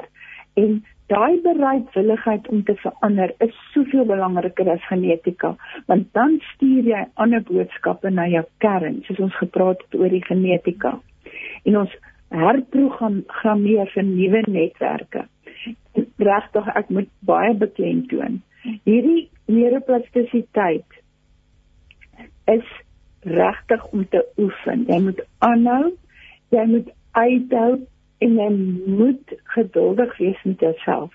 Dis nie iets wat sommer oor nag gebeur nie. Mense moet aanhoudend doen. Jy moet nie stap of as jy op 'n raam stap, kan jy sommer danspassies doen terwyl jy stap. So sit jy beste musiek aan, jy het nog jou stewige raam, jy kan dit in 'n stoel doen en jou lyf bietjie beweeg op maat van musiek. Dis ongelooflik goed vir neuroplastisiteit. En as ek nou net kyk hoe baie ek self in die waar moes herstel het, dan loop ek met die met die um, raam, maar dan moet 'n mens se kans wat verswak is, moet amper jou propriosepsie, jou gevoel van waar jy is in tyd en ruimte is baie keer weg na die beroerte. En een van die maniere om dit te doen is om jou been byvoorbeeld te buig die been wat beseer is. En die maklikste manier om dit te hou, onthou, is loop dan en beweeg met musiek dit was later so lekker dat die mense wat my help versorg het wat wonderlike mense is, het sommer saam met my kom dans. So mens hoef nie 'n danser te wees nie. Dis beweging met musiek is ongelooflik belangrik. So ek wil net daar ook noem ehm um, dat dat daar op die oomblik hier in Hermanus maar op Suid-Afrikaanse ding is die beroerte ondersteuningsgroep Suid-Afrika of Stroke Support Group South Africa. Dit is begin deur De Wolstein. Hy is die ehm um, redakteur van die Village News, die plaaslike koerant. En hy het hierdie ding begin na sy twee broers is ook so weet jy dit uitmekaar uit. En hy sê hy is nou 'n beroerde sendeling. Want dit is so oh, belangrik dat mense moet besef jy kan goeders doen. Die grootste ding is om die hoop te hê om nie in te gee nie. En almal van ons, ek ins ingesluit. Mens kom baie keer waar jy nie dink nee wat. Dis nou te veel. Kom ek lê nou net hier in sak en as. God se water met oor God se akker loop. Maar dis nie dis nie die regte ingesteldheid nie. Daar's diep in ons iets wat ons sê nee, probeer weer. Kom ons doen dit en dis ook dan waar jy meer op plastisiteit tyd inkom. Ek weet ook nie of mense besef dat ek nou by die waal gehoor het, daar is 13 beroertes per uur in Suid-Afrika. Ek ek wou nou net vir jou gevra het beroertes is so kom so algemeen voor, maar 13 ja. beroertes 'n uur. Ja, dit, dit is 'n ongelooflike syfer. Ja, daar en dis hier van 50 al op. Dis nie mense wat baie gevorderd is nie jou risiko is dan hoër maar dit begin by jonger mense en jou lewe verander. En die grootste ding wat mense met mee vrede maak daai ervaring wat ek van gepraat het is dat jy is nou 'n ander mens. Moenie terug verlang dit is ook met alsander so die mense om jou wil jou weer hê soos wat jy was. Maar jy is 'n nuwe mens wat nie noodwendig 'n slegte ding is nie. En met beroerte wil jy self ook hê jy moet anders wees. En Alzheimer byvoorbeeld of 'n breinbesering of brein 'n uh, breintumor is die mense self bewus daarvan, maar die ding is hulle voel aan dat hulle geliefdes hulle anders wil hê. So dis die eerste stap van aanvaarding en dinge wat regkom tot 'n mate is jy nie weerstandig wees en kwaad en en opstandig oordat jy nie meer is wat jy voor die tyd was nie. Dis die grootste helende boodskap wat ek vandag wil gee is om te aanvaar dinge moet verander. En dis die hele lewe en boodskap van wat is vir jou belangrik. Arin vertel 'n bietjie vir ons so 'n bietjie meer oor die ondersteuningsgroep um, en en waar kan mense daaroor weet uitvind en wat doen wat jy het gesê jouself ook nou betrokke daar. So ja. wat behels die ondersteuningsgroep alles? Weet jy dis nog 'n dis nog nie 'n dit bestaan nou nie lank nie want die baal het eers ook meer herstel voor hy nou met hierdie missie in sy lewe begin het. So dit dit is 'n Facebook groep so mense gaan net intik stroke support group South Africa dan gaan jy daarop afkom. Daar's al baie artikels en baie dinge wat mense kan doen wat hy al gepos het. Ek self het 'n baie goeie artikel, wetenskaplike artikel, ehm um, waar begin met waar ek sê daar is hoop. En net oor bietjie wat neuroplasticity is, maar dan is daar die die artikel is stroke and neuroplasticity. So mense kan dit gerus lees en dit is nie net vir beroerte mense nie. Jy kan dit jy kan daai goedjies wat hulle daar sê om te doen is is regtig nie moeilik nie. Jy sit in jou stoel byvoorbeeld en jy oefen om te, te uit jou hand uit te steek goedjies op te stel vir almal die swak kant. Dan is dit nie 'n dominante hand nie. Om die spierkrag te oefen en te stap en te dans. So daar kan mense gaan kyk na die stroke and neuroplasticity artikel wat ek op gesit het en dan regtig 'n klomp um, artikels wetenskaplike artikels wat Waldstein dan ook na na wat mense net kan gaan kyk. En enige iets, dit wil ek sê, beroerte, um, Alzheimer, um, breinbesering, breintumore of, of brein um, kanker self. Mense kan daar gaan kyk, hoe kan hulle die omliggende weefsel stimuleer om die funksie van die beskadiging oor te neem. Ja, ek ek wil nou nou nou al vir jou gevra het, sommer net dalk ter afsluiting, ehm um, so 'n paar praktiese dingetjies jy het nou genoem van die dans, ehm um, wat ons sommer net kan doen om nuwe breinpaadjies te vorm om om hierdie neuroplastisiteit in ons in ons guns te laat werk. Het jy 'n paar ja. so 'n paar dinge wat jy dalk met ons kan deel? Ja, jy mens kan ook byvoorbeeld 'n nuwe speletjie leer, soos skaak of sudoku of brug nuwe goed is die belangrikste ding om daai ou netwerke bietjie te los dat hulle maar in hulle plaas rondhardloop op hulle hulle snit maar om vernuwing en oop kop weet jy mens kan ons is so geneig om te veroordeel. Dis dis sonde dat is sonde. Maar ja. voor ons sê iets is nie reg vir ons nie moet ons eers bietjie inligting inbind en om nuwe netwerke te vorm is 'n oop kop seker die belangrikste ding wat daar is om ook uit die stresrespons te gaan van veg en vlug en vries. Dis die vrees en woede. Is dat ons ons verbeelding moet beheer en amper lei na nuwe denke. So dis die eerste ding. Ander speletjies enige speletjies wat jy kan doen. Ehm um, die groot ding is en en, en dit is vir my ook 'n groot uitdaging mens mens raak baie keer vasgevang veral as jy so lê in die hospitaal en herstel om te veel TV of op jou rekenaar goed te kyk. Mens moet baie versigtig wees wat jy kyk. Dat jy eerder na goed kyk wat vernuwing en natuur. Dis natuurlik die ander ding is om in die natuur te kom. As sit jy net in die sonnetjie. Dan die vitamine D is ons baie goed. En om net die natuur om jou om die die wonderwerke van God te beskou in die natuur is 'n baie goeie ding om om om weer dankbaar te wees vir wat om jou aangaan en dat jy nog hier is om dit te ervaar. Al is dit anders as voorheen, jy kan dit nog, jy kan die warmte voel op jou lyf, die sonnetjie op jou lyf, die wind wat liggies deur jou hare waai. So om in die natuur te wees is ook ongelooflik en belangrik vir neuroplastisiteit. En dan soos ek gesê het, die kunsgoed. Ag jy vat sommer 'n vet kry dan kom jou innerlike kind gaan ook sommer weer wakker word.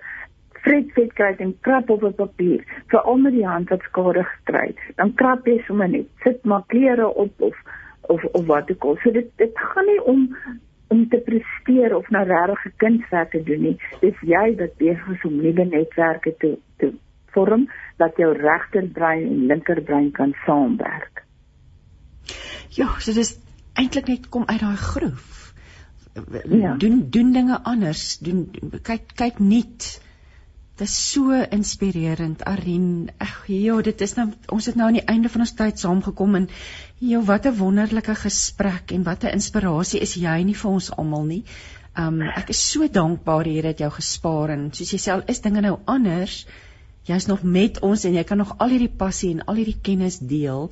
Ehm um, so mense, ek kan mense verwys dan weer na die ehm um, Stroke Support Group SA of die boer ag die beroerte ondersteuningsgroep SA. Ja. Jou webwerf is natuurlik www.drarin.co.za ja, en Ja, en en, en, en ek DR. Skus, dis DR, die dokter uit. DR, ja, DR Arin. DR Arin www.co.za en dan hierdie way to wellness uh, vir women ons doen nou hierdie een net vir vrouens maar ag die vrouens vertel hulle man so. Dit is op die op die um, tuisblad is mense op die op die landingsblad of die tuisblad ek weet nie altyd wat se Engels nie maar mense kan daar ook vra vra. Daar's 'n gedeelte 'n blokkie wat contact us sê so mense kan daar vra vra ook En natuurlik ek ontvang ook julle julle nuusbrief altyd inspirerend en natuurlik uh, boeke die boeke wat jy geskryf het alles is beskikbaar op die webwerf so ek wil ons luisteraars uitnooi gaan kyk gerus en en en verander jou lewe verander jou denke dis God wil hê ons met 'n 'n vol ja. lewe ja. en 'n 'n lewe met vrede en en soos jy sê waar sy liefde voorop staan nê. Sjoe ja. Arin, Ja, is nou 'n boodskap wat onthou. say thank you and God bless. I live in Zimbabwe and I enjoy listening to your programs daily. So Ach, Karen, baie dankie. Karen het ook baie belang gestel in die Wise to Wellness. Ek het vir haar ook die webwerf gestuur. So Arin, alles seën en ag ons gaan nie weer so lank wag vir ons gesels nie. Um, ja, so nee, ek, ek gaan en ag so net alles vir my om met mense vir mense hoop te gee en net basiese inligting sodat mense verstaan hoekom hulle goed doen. Dis maar die groot passie. My en Andri se passie is gesondheids amper opvoeding. Jy weet om om basies net dat jy goed verstaan hoekom jy dit doen, dan maak dit ook vir ons meer sin. Ja, en jy het definitief 'n paar breinpaadjies hier by my losgemaak vir oggend met jou met jou verduideliking van die lemoen en die selle en die, so dankie daarvoor. Ag, jene baie baie dankie Arlene. Alles baie lekker soos altyd. Ons familie word net groter en groter. Welkom by ons op 657 Radio Kansel en 729 Kaapse Kansel. Ag en jy luister nou met hart en siel en dit is so lekker om um, jou deel van ons dag te hê, deel van ons program te hê. Jy kan nog saamgesels deur 'n WhatsApp en ons gesels vandag oor welstand en dinge wat nodig is om te verander. En ja, nou gaan ek gesels met Marie Louise Deur. Marie Louise het 'n pad van pyn en verlies gestap met die dood van haar man. Sy het 'n meestersgraad by die departement verpleegkunde by die Noordwes Universiteit behaal. Sy werk met aromatiese olies, maar ons het ons gaan vandag gesels oor haar boek. Ehm um, die boek se titel is A Guided Journal Healing the Broken Hearted want seer kry is dikwels so 'n groot deel van ons lewe en het so groot impak op ons welstand en en Marie Louise baie baie welkom so lekker om met jou te gesels. Baie dankie Christine, dit is heerlik vir my ook om hierdie voorreg te hê. Jo, wat 'n kosbare boek. Jy jy dit is uitgegee deur Malherbe Uitgewers en in hierdie boek praat jy oor ja genesing op alle vlakke jy jou lewe getuig daarvan jy ken pyn jy ken seer kry en jy jy wil mense help om tot 'n plek van van gesond wees en heling te kom. So vertel 'n bietjie vir ons meer oor die boek. Wat het jou laat besluit om dit te skryf? Ehm um, ja, Guided Journal Healing the Broken Hearted. Baie dankie. Ja, ek het na die afsterwe van my man in die jaar 2016 nadat hy um, kanker gehad het, het ek eintlik met soveel vrae geworstel en regtig nie geweet waar waar om te begin om weer eintlik net my lewe weer al die stukke op te tel en dit in een te kry nie. Ek het eintlik ook met baie van wat mense hoor oral stad dat pyn is baie keer 'n permanente en het ek begin dink dat as ek so gaan moet lewe vir die res van my lewe soos wat ek op daardie oomblik gevoel het, dan weet ek nie hoe ek dit gaan kan doen nie. En ek het vir ek het vir Here gesê ek wil graag kan weer dit wat hy in sy woord sê van dat hy gee genesing. Hy kan dit vir ons bied. Wil ek graag beleef. En dit is waar die pad eintlik toe begin het. Deur dat stapie vir stapie die Here my begin wys dat selfs hierdie diepste diepste pyn en al die traumas waardeur ons gegaan het, kan hy genees. En ek het gesit met die met die voorreg toe eintlik van om te begin genees, maar so ook het ek met baie mense in aanraking gekom en veral as mens 'n pad gestap het van kanker dan daarna kry te doen met baie ander mense wat ook deur 'n paadjie van kanker gaan. En ek het gesien hoe stikkend hulle ook is aan die einde. En dit is waar ek uiteindelik vir Here gevra het of of ek iets sou kan bied wat anders sou kan help wanneer hulle deur pyn en swaar kry gaan om hulle te help om weer bo uit te kom want ek self het geweet hoe moeilik dit vir my was om weer te kan begin genees en net net te glo dat daar hoop is vir dat mens actually kan genees. En dis waar die dis waar die boek toe uiteindelik begin het. Dit was net skielik het ek net geweet hierdie hierdie is iets wat die Here op my pad bring en dat ek moet begin skryf dit wat ek ervaar so soos die Here stappie vir stappie met my gewerk het het ek dit toe neergeskryf sodat dit weer uiteindelik vir ander 'n uh, soos die boek se naam sê 'n guided journal kan wees, ietsie om mense te begelei om self jou eie pad met die Here te stap. Kom ons praat oor die formaat van die boek want daar's plek vir notas, daar's dit dit is 'n interaktiewe boek. So vertel vir ons 'n bietjie meer oor die formaat. Ja, die boek is so geskryf dat dit is eerstens is dit dis kort gedeeltes wat ek geskryf het wat elkeen handel dan oor 'n spesifieke tema wat mens eintlik kan vat om self verder aan te werk as vir jou eie genesing. Waar daar dan ook plek is in die boek vir jou om self te kan skryf om dit jou eie te maak en dat dit nie net my storie is wat jou inspireer nie maar werklik die ja die leser se eie eie persoonlike journey kan word met die Here en dan is daar ook is daar prente in wat geskilder is deur my ma en deur een van my vriendinne wat elke prent self ook van hulle skrifgedeeltes in van hulle is net 'n prent Maar elkeen van hulle het self ook 'n storie waar dit eintlik 'n oop boek is vir die leser om self te gaan kyk wat hulle in daardie prent vind wat tot hulle lewe spreek. En dat jy die boek nie net gebruik om vinnig deur te werk nie, maar dit is 'n tydsame proses want genesing is 'n stap vir stap en so wat dat jy dit elke dag 'n stapie verder kan vat of een keer 'n week net soos dit van toepassing is op jou situasie in daardie oomblik. As ek nou so kyk na hierdie die prente wat jy van praat, die dis dis eintlik kunswerke en Dr. Arine het nou net vir ons gesê nuwe breinpaadjies. So om so net te staan sit en kyk en na hierdie kunswerke alleen te kyk, ontwikkel jy ook nou nuwe breinpaadjies en natuurlik praat die Here met jou deur hierdie kunswerk. So ek wil nou vir jou vra, wat het met jou gebeur tydens die skryfproses? Want jy tog jy was al op 'n plek waar jy redelik sterk en gesond gevoel het sodat jy die boek kon skryf maar watter effek het die boek toe op jou gehad verder as op jou menswees op op hierdie genesingsproses van jouself Dit was vir my een van my ek wil amper al sê een van die reddingstoue wat die Here na my toe self uitgegooi het was om te skryf. Dit was skielik vir my waar ek elke stukkie wat ek geskryf het was soos wat ek self deur dit ook gewerk het. En dit was baie eg aan wat aan wat my pas was. En dit weer het vir my soos ek dit geskryf het het dit vir my self ook hoop gebring vir dat daar genesing is.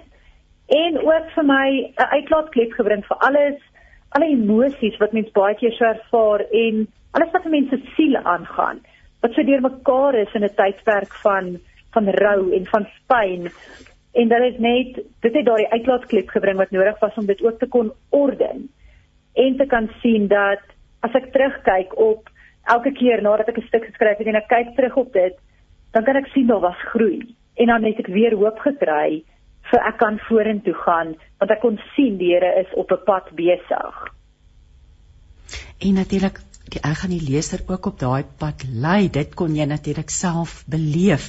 Kom ons praat oor 'n paar van die temas wat aangeraak word in hierdie boek. Ja, so een van die temas wat baie uitkom is die genesing van ons sielsmens.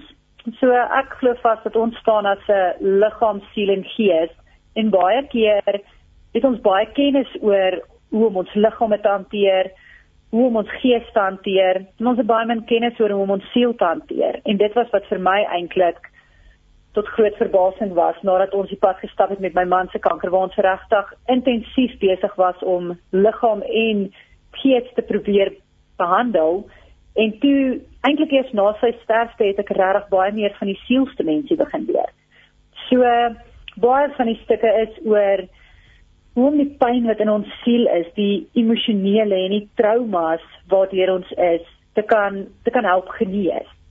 En ook 'n ander iets is hoe hoe normaal dit is om deur 'n proses van rou te gaan. Daar is een daar is een hoofstukkie wat spesifiek net gaan oor die simptome wat ek ervaar het nadat my man gesterf het. Simptome van geheueverlies en om eintlik te sukkel om te kan goed skryf en woorde te vorm simuleer en al daardie dinge wat baie keer vir mense onbekend is omdat ons nie bekend is met om te weet hoe jy gaan voel indien jy in 'n tydperk van groot verlies te staan kom nie.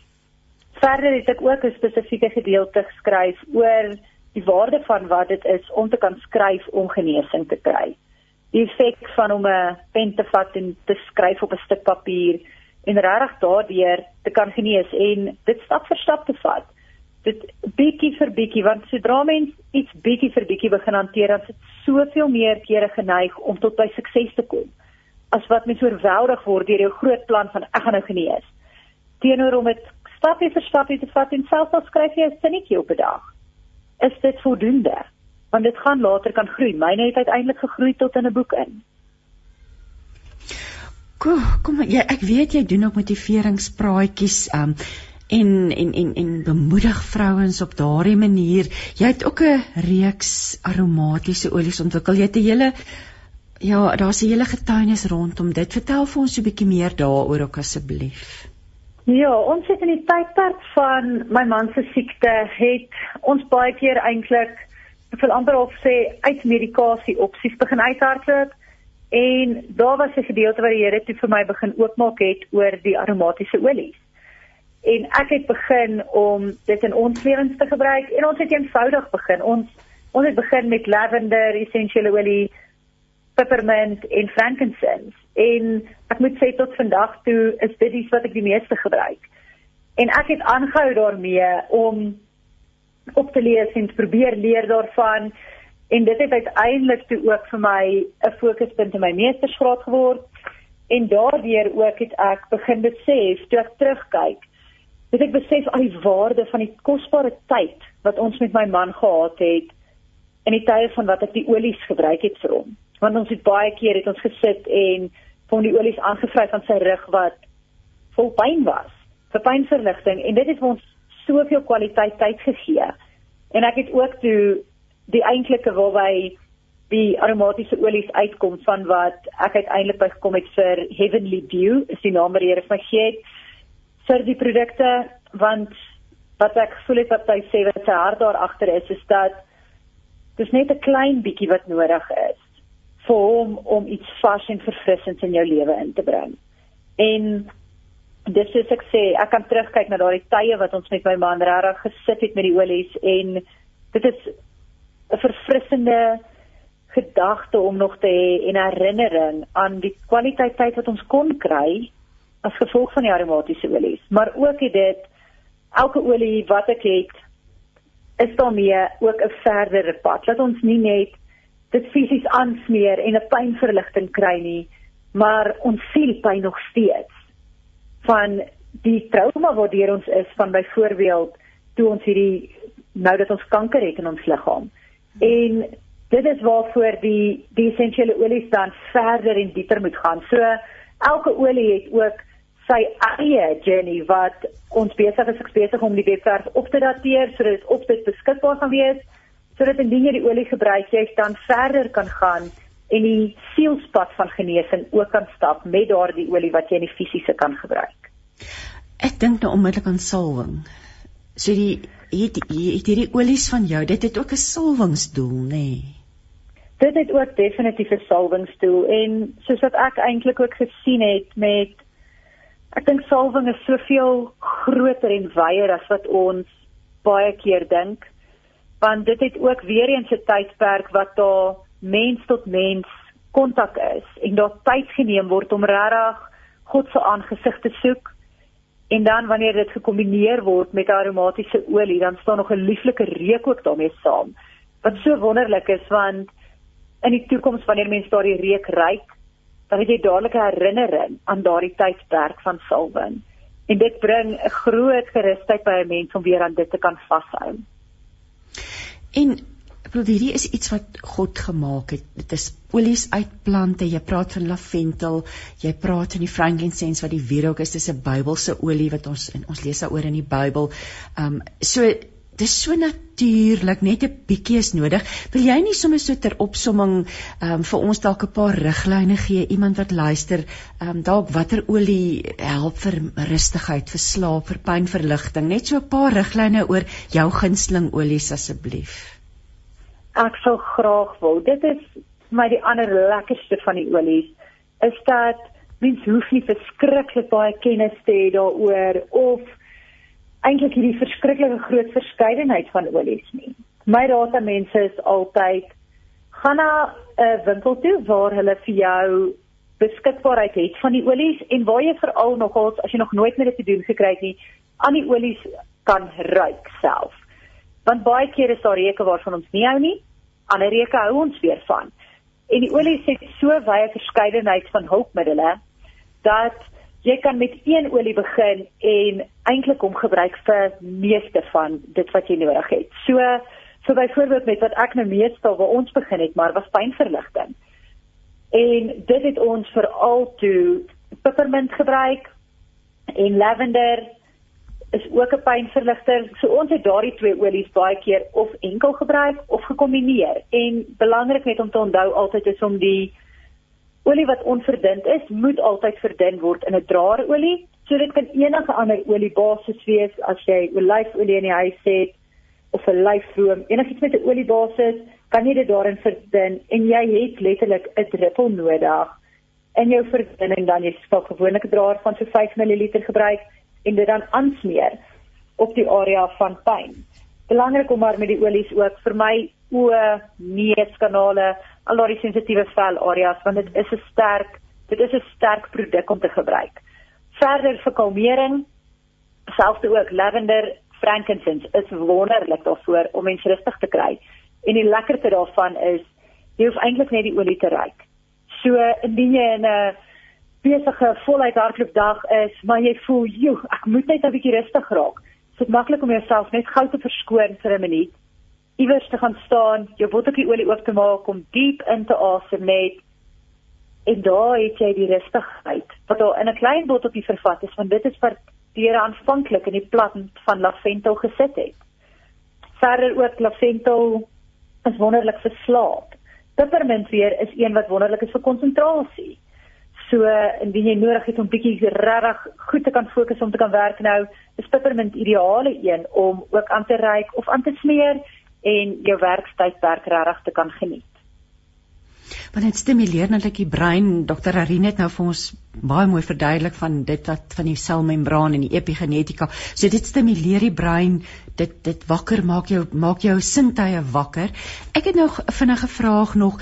Kinders, kan 'n mens olie op kinders en babas gebruik? Is daar olies wat 'n mens moet vermy? Vertel vir ons 'n bietjie. Olies kan op kinders en babas gebruik word. Ek is altyd baie versigtig vir die gebruik daarvan want hulle velle is nog baie sensitief en ook die mensstelsels is nog besig om te ontwikkel. So ek bly by gewoonlik met kinders by die olies wat daar die meeste navorsing op is. So my raad sou altyd wees lavendel. Dit is een van jou olies, een van jou plantprodukte eintlik wat al baie navorsing op is en wat hulle al definitief op kinders getoets het. Baie van die essensiële olies is nog nooit eers op kinders getoets nie.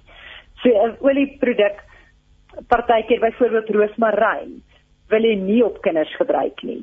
En baie van jou sterker, skerper olies is nie veilig vir die gebruik in kinders nie. Maar iets soos lavendel en dan ook natuurlik gebruik mens spearmint in plaas van peppermint op kinders. En meeste van jou sitrusolies is ook gewoonlik veilig vir kinders. Ek persoonlik gebruik nie sommer die aromatiese olies op kinders gereeld wat onder die ouderdom van 3 jaar is nie en ook jy verdun dit baie meer. So waar vir 'n volwassene 1 druppel essensiële olie in 5 ml, se draarolie sal jy vir 'n kind 1 druppel essensiële olie in 20 ml se draarolie gebruik en selfs dit dan oor 'n tydperk gebruik. Ek het gewoonlik dan maak ek maar vir my 'n mengseltjie aan en dan gebruik ek hom met die kind oor 'n dag tot 2 dae. So hulle kry eintlik oor 2 dae se tydperk net 1 druppel essensiële olie in.